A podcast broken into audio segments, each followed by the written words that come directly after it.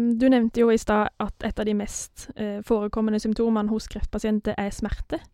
Uh, hva er årsakene til at smerte plager så mange pasienter?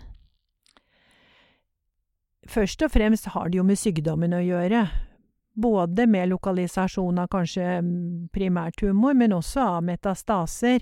Og smerte er vel det symptomet generelt sett som de fleste frykter. Altså man tenker, hvis man får høre om at en pasient har kreft, så tror jeg veldig mange vil stille en sånn person 'har du vondt?' Altså av, av uh, allmennheten. Og pårørende frykter jo også dette med smerte, selvfølgelig. Mm.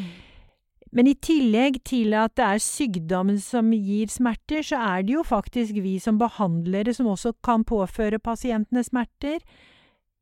Torakotomi er jo et kirurgisk inngrep som vi vet kan gi vedvarende langvarige smerter, for eksempel. En del kjemoterapi gir eh, særlig nevropatisk smerte, og det kan være mm, smerte som ikke går over, mm. som også da kurerte pasienter kan slite med i årevis etterpå. Strålebehandling kan av og til gi både akutte smerter, f.eks. hvis vi stråler på en tarm, så kan pasientene få vondt i magen, men også at strålebehandling på lengre sikt kan gi, gi smerter. Og så må vi ikke glemme at pasientene kan jo ha andre sykdommer. Kreftpasientene er gjennomsnittlig relativt voksne folk. De har ofte andre sykdommer, og mm. det kan jo også gjøre vondt. Og det er jo viktig når vi skal kartlegge smerter, og med tanke på behandling, at hvis det ikke er kreftrelatert smerte, så er det ikke sikkert at vi skal bruke opioider, som jo er liksom hjørnestenen i smertebehandling av kreftpasienter. Mm. Hvis det er en raumatisk sykdom som pasienten har hatt i mange år, da gjør vi dem en bjørnetjeneste hvis vi bruker opioider over veldig lang tid, f.eks. til en pasient som skal bli frisk. Mm. Og så av og til, når vi ikke kommer til målet Jeg tenker litt på denne definisjonen av hva lindrende behandling er, og at det er mange aspekter inn der. Og noen ganger med de veldig vanskelige smertesituasjonene som vi av og til ser på den sengeposten jeg har ansvar for, så er det ikke bare fysisk smerte som er det som pasientene sliter med, men det kan være like mye den eksistensielle smerten, eh, sosial smerte, altså alt det man kanskje skal dø fra, og at det kan gjøre vel så vondt som rent, rent, fysiske smerter, eller i hvert fall at det kan være en viktig komponent når vi skal behandle smerten. Mm. Og det sier seg jo selv at det er mye vanskeligere å behandle en eksistensiell smerte enn en skjelettmetastase som vi kan gi strålebehandling. Absolutt. Mm.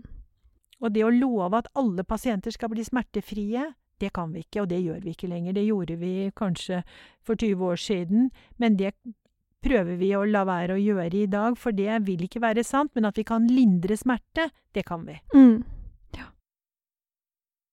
ja. Du har jo snakka litt om på en måte kirurgi og stråling og systemisk behandling, kanskje, eh, og smertestillende. Så jeg tenkte bare om sånn steroider og litt sånn i tillegg. Ja, for meg er jo det en del av den, av den medikamentelle ja, smertebehandlingen. Så det som jo er hjørnestenen i den, det er jo denne berømte smertetrappen som dere har hørt om, med de trinnene hvor vi starter nederst med paracetamol, det er jo det vi stort sett bruker. Vi bruker lite NSIDES til kreftpasienter pga. bivirkninger, og så hopper vi over trinn to, og så går vi til trinn tre med de sterke opioidene. Ja. Og der er jo morfin førstevalget. Men i tillegg så kan det hende, litt avhengig av hvilken type smerte pasientene har, og her er det jo igjen dette med en grundig kartlegging for å finne ut hvorfor har pasienten vondt. Mm. For det vil da kunne hjelpe oss til å kunne bruke kanskje supplerende medikamenter, hvor da av og til antiepileptika ved særlig nevropatisk smerte, så vil det ofte være tilleggsmedikamenter som er nyttige og gir god lindring. Kortikosteroider bruker vi jo ganske mye i palliativ medisin. Eh, for eksempel pasienter som har en primær hjernetumor eller hjernemetastaser og har hodepine og trykksymptomer. Da vil opioider eller paracetamol ofte ikke ha så særlig effekt. Da vil kortikosteroider være det medikamentet som vil gi best lindring. Og noen ganger så bruker vi også antidepressiva som ledd i smertebehandlingen. Men igjen, her er det jo viktig å prøve å finne ut hvorfor har pasienten vondt, for da kan vi liksom skreddersy den smertelindrende behandlingen best mulig. Mm. Mm. Og så vil jo fysioterapi av og til kunne være bra. Og noen altså øre-nese-hals-pasienter som får strålebehandling eh, mot store felt og får akutte smerter pga. behandlingen, der vil jo altså sårstell, god sykepleie være veldig, veldig viktig også. Så det er tilleggselementer som ikke bare er medikamenter, mm. men, men, da dette med den tverrfaglige tilnærmingen. Mm. Mm. Hvorfor brukes morfin og ikke oksykodon, for eksempel? Ja, det er jo et spørsmål som eh, jeg har stilt meg mange ganger, og jeg tror jeg vet svaret. Altså, i henhold til alle retningslinjer, både de europeiske og de norske, så er morfin førstevalget. Og hvis man allikevel ser på forskrivningen av sterke opioider i Norge, så er det oksykodon som er på toppen, og har vært det i mange år. Mm. Og det det handler om, det er markedsføring. Ja. Meget god markedsføring fra det firmaet som uh, da har ansvar for oksykodon i Norge. Det som finnes av studier, viser at det ikke er noen forskjell i effekt mellom morfin og oksykodon, og heller ikke mindre bivirkning med oksykodon. Mm. Så dette er som sagt et eksempel på meget vellykket markedsføring. Ja. Men det dere skal huske på, er jo at eh, prisen på disse to preparatene fortsatt er forskjellig, hvor morfin er atskillig rimeligere enn oksykodon. Mm. Så det er ingen grunn til da øh, og la være å bruke morfin, som også er da førstevalg i henhold til de retningslinjene vi har i Norge. Mm. Hvordan startes morfinbehandlinga i praksis? Starter man med hurtigvirkende morfin, eller depotpreparat, eller kanskje begge deler? Der kan man faktisk velge. Altså det vil være litt avhengig av situasjonen, kanskje hvor man befinner seg, om man er på sykehus eller i allmennpraksis, og litt avhengig av pasienten. Men det er eh, en kollega i Trondheim, Pål Klepstad, som i sitt doktorarbeid hadde med Gjorde en studie akkurat for å se på dette. Er det noen forskjell i hvor fort man blir smertelindret om man starter med hurtigvirkende eller depotpreparat, og der er det ingen forskjell. Nei. Men jeg tenker ut i allmennpraksis er det kanskje enklere å starte med et depotpreparat som skal gis morgen og kveld. På et sykehus hvor man kan overvåke pasientene mye tettere, så vil jo kanskje hurtigvirkende morfin være vel så fornuftig, og så kan man eh, da titrere opp dosen faktisk flere ganger i døgnet hvis man ser at det er behov for det. Mm. mm. Men eh, medisinen, holdt å si, det er veldig generalisert, men det, det blir jo litt eh, kritisert eh, en annen pasientgruppe med sånn kroniske smerter, fysikalsk Ja, eh, får liksom de her sterke preparatene, men eh, så man er kanskje litt sånn Man holder litt igjen på det, men det skal man ikke gjøre, tenker du. Når du har en kreftsyk pasient, da tør man å, å, kjøre på. Man er ikke veldig redd for at det skal utvikles toleranse og avhengighet der. Når det gjelder kreftpasienter med akutte smerter, så er vi ikke noe engstelige for å bruke de sterke opioidene. Og så, øh, hvis vi da gir slike pasienter tumorrettet behandling, så håper vi jo at det skal kunne ha effekt på sykdommen og dermed redusere smertene. Så det er jo viktig at disse pasientene, at man trapper ned opioidene hos disse pasientene. Mm. Og det man er blitt mer og mer oppmerksom på de senere år, er jo fordi mange kreftpasienter nå kan leve i så mange år, at man prøver å unngå at de skal stå på sterke opioider i mange år. Mm. Men at man behandler da en oppblussing av sykdommen med god smertelindring kombinert med en eller annen form, eller kanskje flere modaliteter av tumorrettet behandling, mm. og så trapper ned, og så bør pasienten helst komme av opioidene. Og kommer det da et nytt tilbakefall, så får man med smerter, så får man heller trappe opp da. Når det gjelder den gruppen du snakker om, pasienter med kronisk ikke-malign smerte, så er man jo blitt veldig, veldig klar over at de ikke bør ha opioider. Mm. Eh, og det er jo litt den opioidkrisen i USA som vel har lært oss det. Det burde vi egentlig ha visst, tenker jeg, helt uavhengig av uh, det som har vært gjort der. For dette er jo egentlig gammelt nytt. Mm. At opioider er ikke medikamenter som man bør stå på lenge. Men der er nok vi onkologer nå blitt mye mer oppmerksom på at det gjelder også kreftpasientene. Tidligere så tror jeg ikke vi var så flinke til å trappe ned hos de pasientene som lever lenge, og som kanskje ikke trenger disse medikamentene over lang tid. For de har langtidsbivirkninger som ikke er å kimse av. Å følge opp når man starter opp nå, at man ikke bare lar det gå, men Nei. at man har en tydelig plan og det er innmari viktig, og her blir det ofte et samarbeid mellom oss i spesialisthelsetjenesten og fastlegene, for det vil ofte være fastlegene som kanskje følger disse pasientene videre når, når man da har behandlet uh, et tilbakefall. Mm. Og at fastlegene da må trappe ned medikamentene i samarbeid med pasienten. Mm. Hvis en pasient startes på depotpreparat med morfin, skal han da ha hurtigvirkende i tillegg, som en del av eh, døgndosen, på en måte? Pasienter som eh, vi starter med langtidsvirkende morfin, bør i tillegg også få forskrevet et hurtigvirkende eh, morfin. Og grunnen til det er jo at av og til så kan det være situasjoner som utløser smerte hos pasientene, og da vil jo ikke det depotpreparatet som man gir morgen og kveld kunne være til noe hjelp. Da må pasienten kunne få eh, ta en tablett som virker i løpet av en halv times tid. Og gjen, sånn gjennomsnittlig, det, det, vi sier er jo at uh, det man forskriver av hurtigvirkende, er en sjettedel av den totale døgndosen. Mm. Men så er det viktig da å sjekke med pasienten at det virkelig har effekt, den hurtigvirkende tabletten som, som de skal ta. For noen ganger så må man faktisk høyere opp enn til en sjettedel av døgndosen. Men det er liksom en tommelfingerregel. Mm. Og hvis pasienter tar veldig ofte gjennom et døgn hurtigvirkende morfin, ved siden av at vedkommende står på da, et langtidspreparat, det heter Dolcontin, så må man jo vurdere å øke dosen av det langtidsvirkende preparatet, for da er nok den dosen for lav. Mm. Og så må man alltid, når man starter med opioider, huske på at pasientene skal ha et avføringsmiddel. Mm. Alle pasienter som får et opioid, enten det er morfin eller oksykodon eller fentanyl eller hva det måtte være, de blir forstoppet. Så forskriv alltid et avføringsmiddel samtidig med at dere forskriver et opioid. Hvilket er da best å bruke, tenker du? Det er jo mange forskjellige. Det som er vanligst å starte med, det er enten laktulose eller makrogol, altså Movicol. Mm. Og det som sagt, det å forske på forstoppelse det er vel ikke av de mest kule ting å gjøre, så det er ikke så veldig mange studier på dette. Men det som er gjort, så ser de to preparatene til å komme nokså likt ut. Men det kan være litt forskjellig hva pasienter tolererer og syns er ålreit.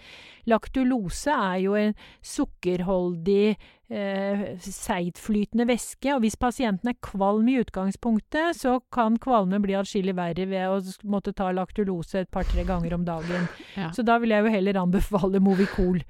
Og så er det viktig også å si til pasientene at de skal være flinke å drikke. Fordi mm. at mange av disse pasientene de har for lavt væskeinntak, og det er jo med på å gjøre en forstoppelse enda vanskeligere håndterbar. Ikke sant. Mm. Hva gjør man hvis morfin ikke virker, eller gir for store bivirkninger? Ja, hvis morfin ikke virker, eh, så kan det jo i første omgang være at man skal trappe opp dosen. Jeg vil jo tenke på det. Ja. Og det er ikke noe øvre tak for hvor høyt man kan gå. Der er vi veldig forskjellige. Så flere hundre milligram morfin er ikke noe skummelt så sant pasienten tolererer det ikke har for mye bivirkninger. Mm. Men hvis man føler at selv doseøkning ikke hjelper, og pasienten har bivirkninger, så kan man rotere til et annet opioid. Og da vil det jo ofte være naturlig å rotere fra morfin til oksykodon, noen ganger til fentanyl. Og særlig kanskje for de gamle pasientene hvor det kan være problemer med compliance, så vil jo et fentanylplaster være en veldig, veldig grei og god behandling. Det er plaster som skal skiftes hvert tredje døgn. Men i hvert fall at man gjør en rotasjon da fra morfin til et annet opioid. Og da finnes det tabeller, jeg greier ikke å huske på dette i hodet, så da kan man gå inn i tabeller og så se på ekvipotente doser. Men når vi gjør en slik rotasjon, så går vi alltid 20-30% ned i dose med det nye medikamentet vi starter med. Og så må man jo nøye følge med på pasienten om det er en tilstrekkelig dose, eller om man må trappe opp. Men ikke bytt helt ekvipotente dose, for det kan bli en overdosering. Mm. Det er viktig. Du snakka jo litt om fentanylplaster nå, eh, men man kan jo òg gi subkutan pumpe eller intravenøs smertelindring. Hvem er det som skal ha dette? Det vel litt forskjellige pasientgrupper. Ehm, hvis det er klart pasienter som kommer inn i akuttmottaket og har vanskelig intraktable smerter pga. en kreftsykdom, så vil det være naturlig at man gir medikamenter intravenøst. Mm. Og også på sengeposten hos oss, hvis vi har smertetilstander som er vanskelig å håndtere, så bruker vi en intravenøs tilgang. Men for pasienter som skal hjem, kanskje dø hjemme, så vil det jo subkutan administrasjon være mye enklere, for det er enklere å håndtere for hjemmesykepleien enn intravenøse tilganger. Mm. Um, og det fungerer hos de aller fleste pasienter veldig, veldig bra. Og det er jo ikke bare de døende pasientene at vi gir da eh, medikamenter subkutant eller intravenøs, som jeg sa i sted. Det kan også være akutte situasjoner som vi må håndtere fort, og vi har behov for rask effekt, hvor vi da benytter oss av en parenteral tilgang, og så vil man jo kanskje kontrollere en smertesituasjon, og så kan pasienten noen gang gå over på tabletter. Mm. For jeg lurer litt på, eh, når du tenker at det er hensiktsmessig å bytte fra liksom, enkeltdoser, eh, altså intravenøs, subkutant, eller altså eventuelt eh, tablettbehandling, da, til en sånn smertepumpe? Det vil jo øh, være pasienter, det er ofte de langkomne pasientene, øh, som har mye vondt. Mm. Um, og det som kan være en fordel med en smertepumpe, for det første så får man jo en jevn tilgang med medikament. Men disse pumpene har også den funksjonen at pasienten kan få en bolusdose. Altså hvis det er situasjoner som gjør at uh, de plutselig får vondt. Noen ganger så kan det jo være fordi de snur seg i sengen, og så utløser det smerte. Andre ganger så vet man ikke helt. Mm. Men at pasientene da kan administrere eh, en ekstra dose selv, eventuelt at personalet kan gjøre det. Mm. Og det vil jo som regel være som sagt pasienter som er langtkommende i sykdommen sin, ikke nødvendigvis helt døende pasienter, men som har kort forventet Mm. levetid, og hvor det kan være vanskelig kanskje å få tatt tabletter. En del pasienter er jo kvalme. Noen ligger med en kronisk subilius-tilstand, da er tabletter vanskelig også. Eh, Så det vil være situasjoner hvor man bruker en smertepumpe. Mm. Og vi kombinerer jo hos de veldig langtkomne pasientene ofte da eh, også pumpe med midazolam, særlig til natten.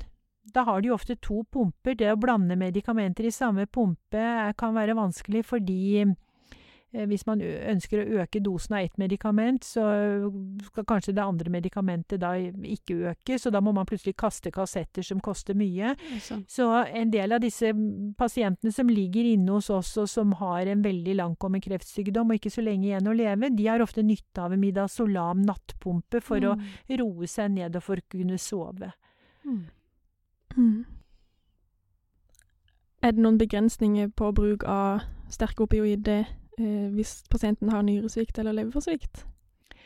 Ja, når det gjelder leversvikt, for å ta det aller først, så er det vel ikke gjort så veldig, veldig mange studier. og Vi prøver jo da å, å fortsatt kunne gi opioider, men kanskje at vi øker intervallet på, eh, på eh, dosering av, av medikamentene, eventuelt går ned i Altså er forsiktig når vi, med dosen. Så både det med en lav dose og også lengre intervaller, hvis man gir det da som eh, ikke, ikke gir det kontinuerlig på en pumpe. Paracetamol bør man jo også være forsiktig med, men man kan nok bruke det hvis vi tror at pasienten har nytte av det. Kanskje hos langtkommende kreftpasienter med leversvikt så vil ikke paracetamol være av så stor betydning egentlig i smertelindring. Og det vi må huske på er at leveren har stor reservekapasitet. altså Selv om pasienten har for høyere leverfunksjonsprøver, så betyr det ikke nødvendigvis at vi ikke kan da gi god smertelindring, og at vi da også bruker opioider, men at vi må være litt ekstra forsiktige.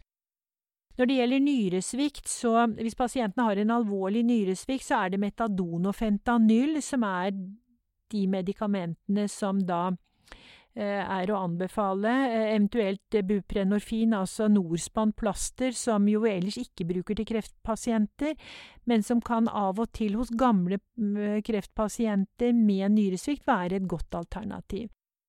Når det gjelder morfin og oksykodon, så er det vel sannsynligvis ikke så veldig stor forskjell egentlig. Oksykodon er jo liksom solgt inn med at det er mye mer safe å bruke hvis pasientene har en redusert nyrefunksjon.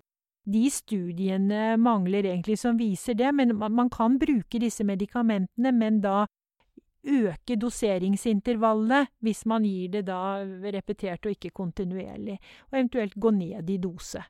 Grunnen til at man er engstelig for disse preparatene, er jo at eh, med en redusert nyrefunksjon, så forsinkes jo utskillelsen av medikamentet og metabolitten, og man får da en opphopning av eh, aktive metabolitter. Mm.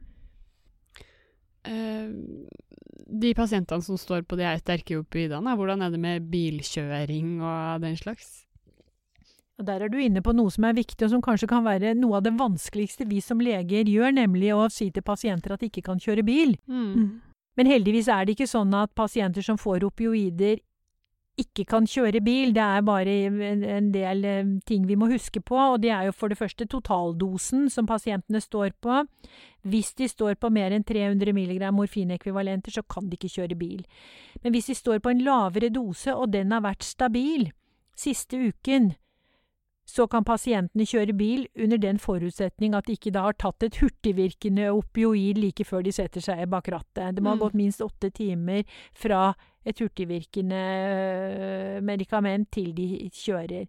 Men det vi jo vet, er at en del av disse pasientene bruker også andre medikamenter som påvirker kjøreferdigheten, så det må vi jo være obs på da, om de står på benzodiazepiner eller andre preparater som som sagt påvirker kjøreferdigheten, pluss at en del faktisk er fysisk så svekket at de av den grunn ikke bør kjøre bil. Så det er sånn som vi Ja. må huske på. Mm. Men som sagt, opioider er ikke nødvendigvis sånn at de ikke kan kjøre. Ikke sant. Mm. Du snakka også om at man noen ganger bruker adjuvant analgetika. Vil du si litt mer om de? Ja, igjen tilbake til dette med en grundig kartlegging av pasientenes smerter og hvorfor de har vondt.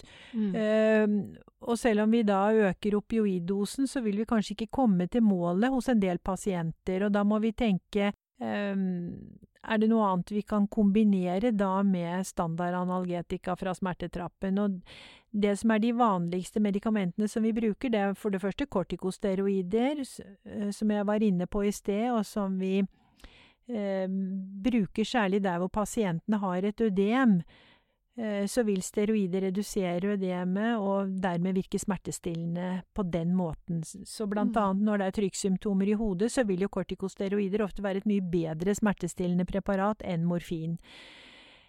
En del pasienter har jo nevropatiske smerter, altså hvor det er da en skade eller et klem på, på nervevev. Da vil et tillegg av antiepileptika kunne være bra, eventuelt eh, tillegg av et antidepressivum, og det vi vanligvis bruker, det er Sarotex. Mm. Og Sarotex har den gode egenskapen at man blir søvnig av det, så det å gi det på kvelden, ikke akkurat før pasienten skal sove, for da er det for sent, men å gi det som ved åttetiden, en relativt liten dose, så vil det kunne både ha en smertelindrende effekt, men faktisk også være med på å bidra til at pasienten sover godt. Mm. Så det er vel de tre gruppene medikamenter som vi da bruker som såkalte adjuvante eh, preparater. Mm. Eh, når i så fall eh, skal man avslutte behandlinga med steroider? Ja, vi bruker steroider veldig mye, vi palliativmedisinere. Og så vet vi at det er et medikament som har mange gode egenskaper, og så vet vi også at det har mange bivirkninger. Mm. Av og til så bruker vi det ikke bare i smertelindring, vi bruker det for at pasientene skal få bedre matlyst, og for at de skal føle seg litt eh, bedre sånn allment. Og hvis vi da starter på den indikasjonen, vi ser at pasienten ikke har effekt etter en fire, fem, seks dager, så kan vi bare slutte med det. Mm. For det er ikke noen grunn til at pasienten skal stå på et preparat de ikke har nytte av. Mm. I smertebehandlingen så bruker vi det jo ofte lengre, og da må man trappe ned, eh, eventuelt. Men en del pasienter vil nok kunne stå på en liten steroiddose over lang tid, fordi det kanskje er viktig for å gi dem god smertelindring. Så det blir jo en vurdering Mm. hele tiden av effekt versus bivirkninger. Um, så det er liksom ikke noe sånn helt klar at når de har stått på det så og så lenge, så må man slutte. Her må man vurdere den enkelte pasient. Mm. Mm. Um, jeg tenkte bare på sånn, i forhold til de steroidene, er det kanskje ikke noe fasit på det, men Medrol eller Prednisolon, har man noe sånn Ja, vi bruker jo, og jeg vet ikke helt hvorfor, vi bruker jo Medrol, vi, eller Dexametason, mm. eh, i kreftbehandling, eller vi som jobber med kreftpasienter, og akkurat hvorfor vi gjør det, det er jeg litt usikker på, men det er nå det vi gjør. Jeg Husets må ikke spørre meg om dette med mineral- og kortikoid og glukokortikoid-effekter og sånn, for det kan jeg ikke så mye om.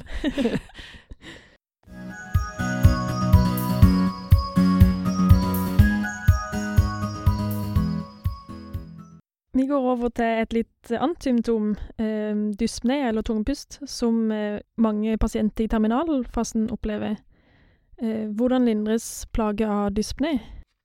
Jeg så at dere mm, skulle stille meg et spørsmål om det, eh, og så prøvde jeg å sjekke litt litteraturen, fordi at ja, dyspné er et symptom i terminalfasen, men jeg tror jo ikke det er eh, kanskje det mest plagsomme for de fleste pasientene når de er døende. Nei. Um, I terminalfasen så bruker vi ofte morfin. Eh, fordi det gir vi som regel pasientene eh, i smertelindrende øyemed, og kan da bruke morfin eh, også for å lindre dyspné, og det lindrer ofte veldig godt. og vi bruker da, Er det pasienter som da blir tungpustet og som allerede står på, står på morfin, så øker vi dosen. Står de ikke på noen ting, så starter vi opp sånn som vi ville gjort til en smertepasient. Mm. Men tidligere i et forløp så vil jo pasienten også kunne ha dyspné, og da er det igjen dette med å prøve å kartlegge hvorfor er pasienten tungpustet, og det er veldig mange årsaker til at en kreftpasient kan klage over tung pust.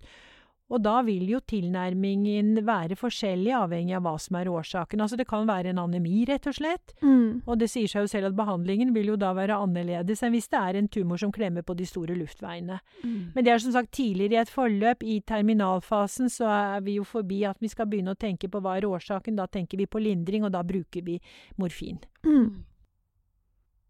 Også kvalme er en hyppig forekommende plage, og det kan jo kanskje komme både av selve sykdommen, men også Du har kanskje vært inne på det med kjemoterapi, opioider og antibiotika, og obstiperte kan det være, og litt trykk i hodet av metastaser og osv. osv. Men eh, hvordan tiltak har man mot kvalme? For det første så har man jo en del generelle tiltak som kanskje er mer sånn som sykepleierne tenker på, enn det vi tenker på. Det med et kjølig rom, øh, øh, ikke matlukt øh, fra kjøkkenet, altså sånne helt elementære ting. Men for å kunne håndtere kvalmen på en best mulig måte, så igjen tilbake til det som er noe av det jeg er opptatt av, kartlegg årsak. Fordi det er så forskjellig hva vi vil gjøre avhengig av hva som er årsaken om pasienten er kvalm. Hvis pasientene har kvalme pga. for høyt intrakranielt trykk, så behandler vi det med kortikosteroider, akkurat som det også hjelper på hodepine, som pasienten da ofte vil ha.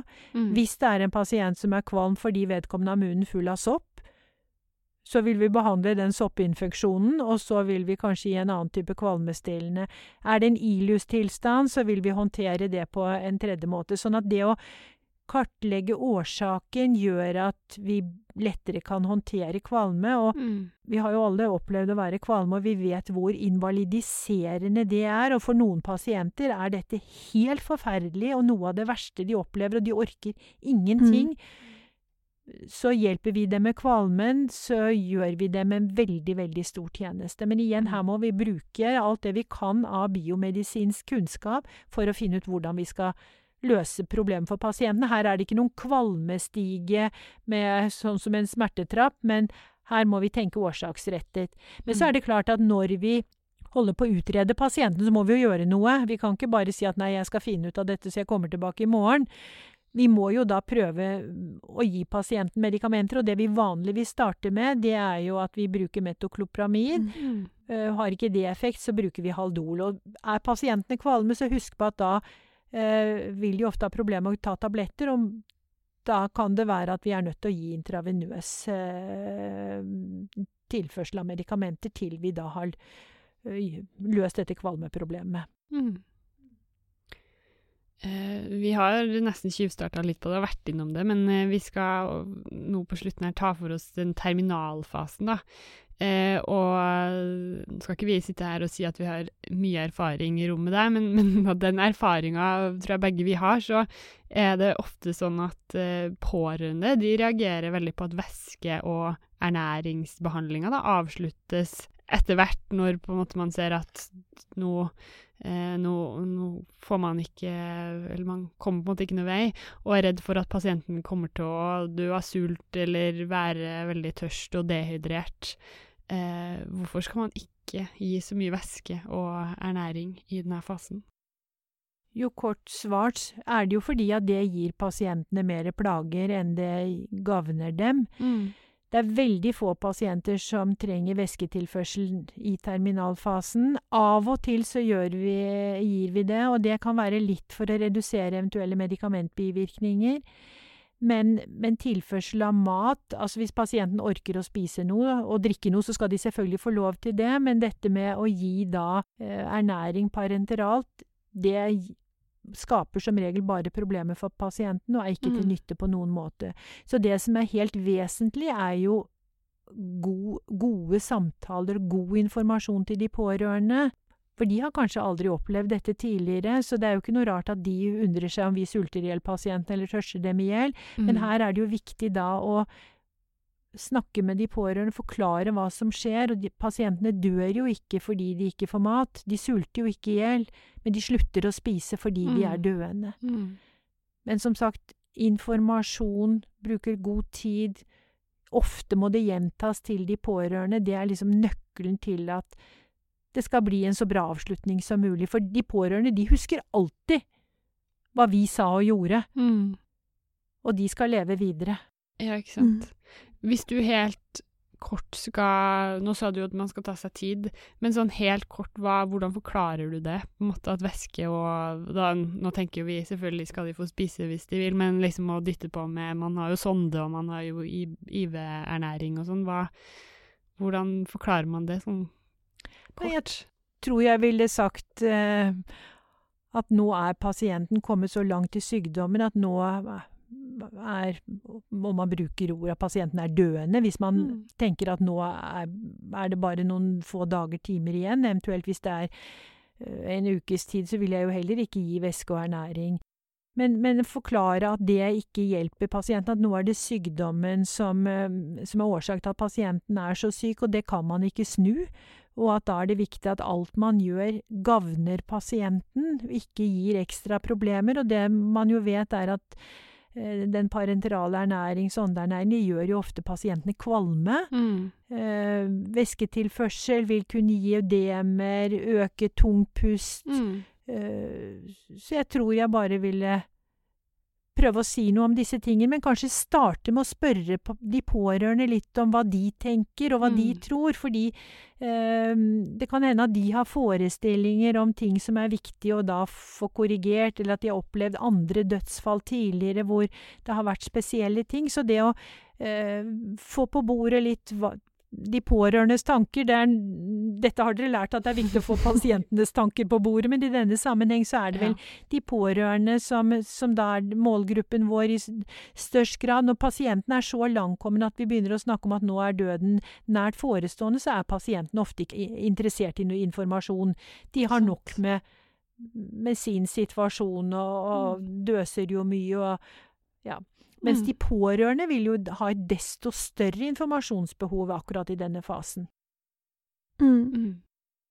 Um, jeg tenkte jo litt på hvilke tegn man da eventuelt skal se etter. Hvilke tegn som kan på en måte forespeile at pasienten er i terminalfase.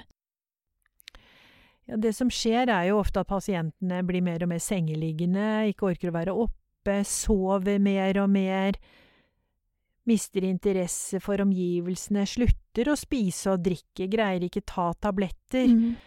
Alt dette vil jo være de vanligste tegnene på at nå er døden nært forestående. Mm. I forelesninga med dere så nevnte dere òg eh, fire medisiner som ofte brukes i denne terminalfasen. Vil du si litt om de?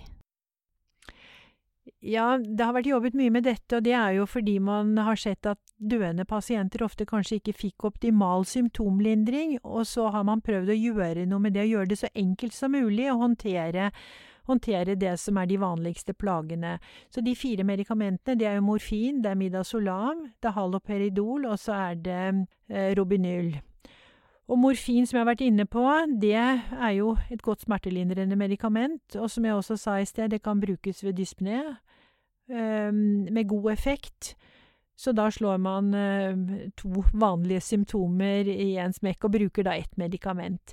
Midazolam har jeg også nevnt. Ved uro så kan det være et medikament som er, uh, er bra for pasientene. Vi bruker det delvis som en nattpumpe, men noen pasienter har også behov for det på dagtid da i de siste dagene og timene fordi de er urolige. Mm. Mm. Um, kvalme um, Da bruker vi haloperidol, og man snakker jo om et såkalt terminalt delirium. Det tror jeg kanskje er egentlig ikke et delirium eh, i vanlig forstand. Jeg tror det er mer en del av dødsprosessen. Men hvis pasienten blir veldig urolig, så kan jo haloperidol også være et medikament som kan være gunstig med tanke på å kupere et, eh, en veldig betydelig uro. Og det siste medikamentet, Robinyl, det er jo eh, mot eh, surkling i de øvre luftveiene, altså såkalt dødsralling.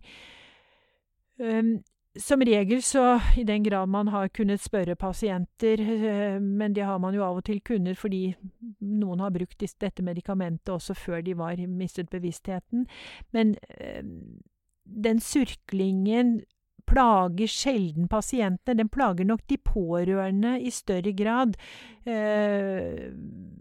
Så, så, noen ganger så gir man jo det medikamentet mest for de pårørendes skyld. Men det er igjen dette med informasjon til pårørende. Altså hva er det vi er, hva er det vi ser efter, hva er det som skjer? Eh, inkludert denne surklingen, som jo er slim helt i øvre luftveier, at det ikke plager pasienten. Sånt er jo viktig for de pårørende å få mm. høre. Mm. Og så kan man som sagt da dempe med, med dette medikamentet. Mm.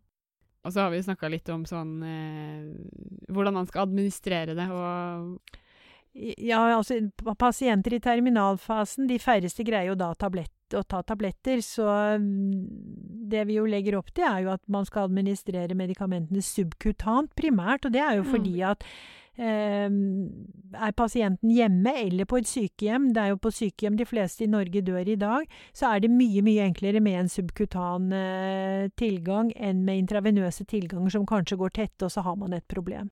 Mm. Når starter man med subkutan? Jeg tenker så lenge pasientene greier å ta tabletter, så det enkleste er det enkleste. Ja. Så, men når det blir vanskelig å ta tabletter, så er det jo lurt å anlegge en subkutan nål og, og ja. kunne administrere på den måten. Heller enn intravenøst? Ja, igjen fordi vi tenker jo at pasienten ikke er på sykehus. Mm. De fleste pasienter skal ikke være på sykehus når de dør.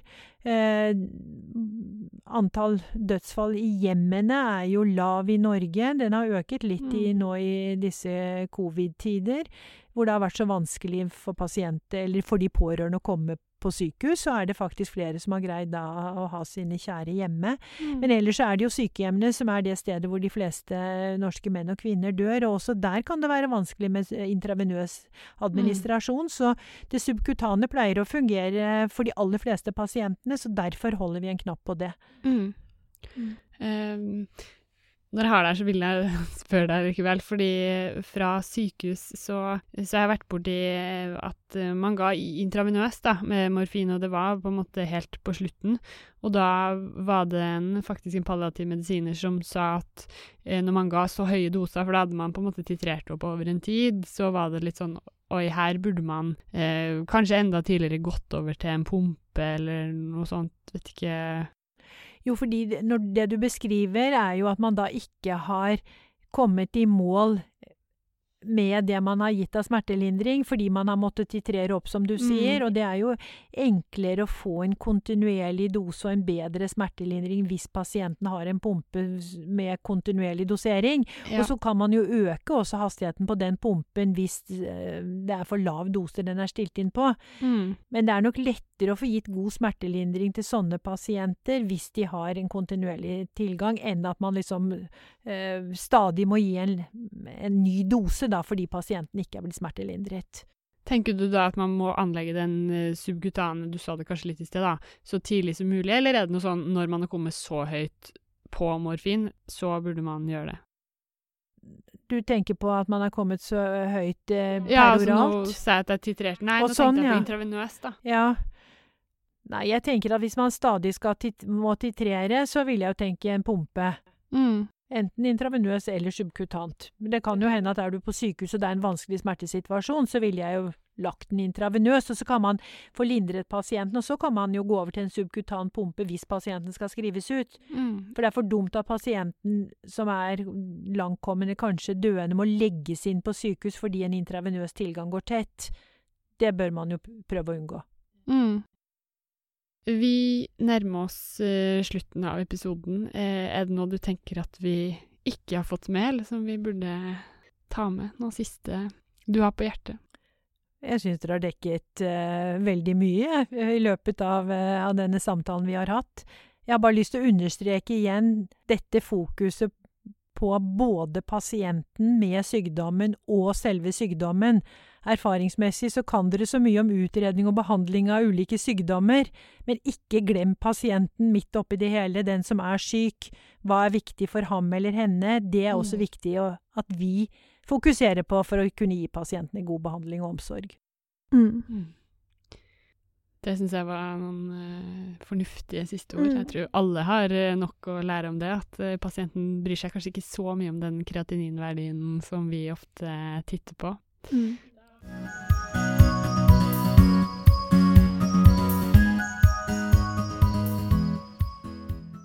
Da er det tid for en oppsummering. Cecilie, hva har du lært i dag? I dag så har jeg lært definisjonen av palliativ behandling, som vil si at pasienten er i fokus, med både symptomlindrende og sykdomsspesifikk behandling, og i tillegg så er det fokus på pårørende. Målet er å bidra til at pasienten og de pårørende kan leve et så normalt liv som mulig. Behandlinga er ikke bare i livets siste fase, men omfatter behandling i hele sykdomsforløpets fem faser. Kreftpasienter utgjør majoriteten av de pasientene som får spesialisert palliativ behandling i Norge i dag, men òg pasienter med andre alvorlige kroniske sykdommer kan ha nytte av palliativ behandling. Lindrende behandling er viktig å kunne noe om for alle spesialiteter, men er òg en egen spesialitet som man kan konferere med og henvise til i regi av palliative team. Pasienten kan henvises på definerte tidspunkt i sykdomsforløpet, eller ved spesifikke behov tidligere enn dette. For å lindre symptomer så må de kartlegges systematisk. Dette gjøres best gjennom anamnesen, og man kan få hjelp av ulike kartleggingsskjemaer, f.eks. ESAS-R. Det inneholder de vanligste symptomene hos kreftpasienter og skal skåres fra null til ti. Skjemaet erstatter ikke viktigheten av en anamnese, og man må huske å spørre om hva som plager pasienten aller mest. Behandlinga mot pasientens plage starter med årsaksretta behandling, hvis det er mulig, f.eks. kirurgi, palliativ strålebehandling eller hormonterapi.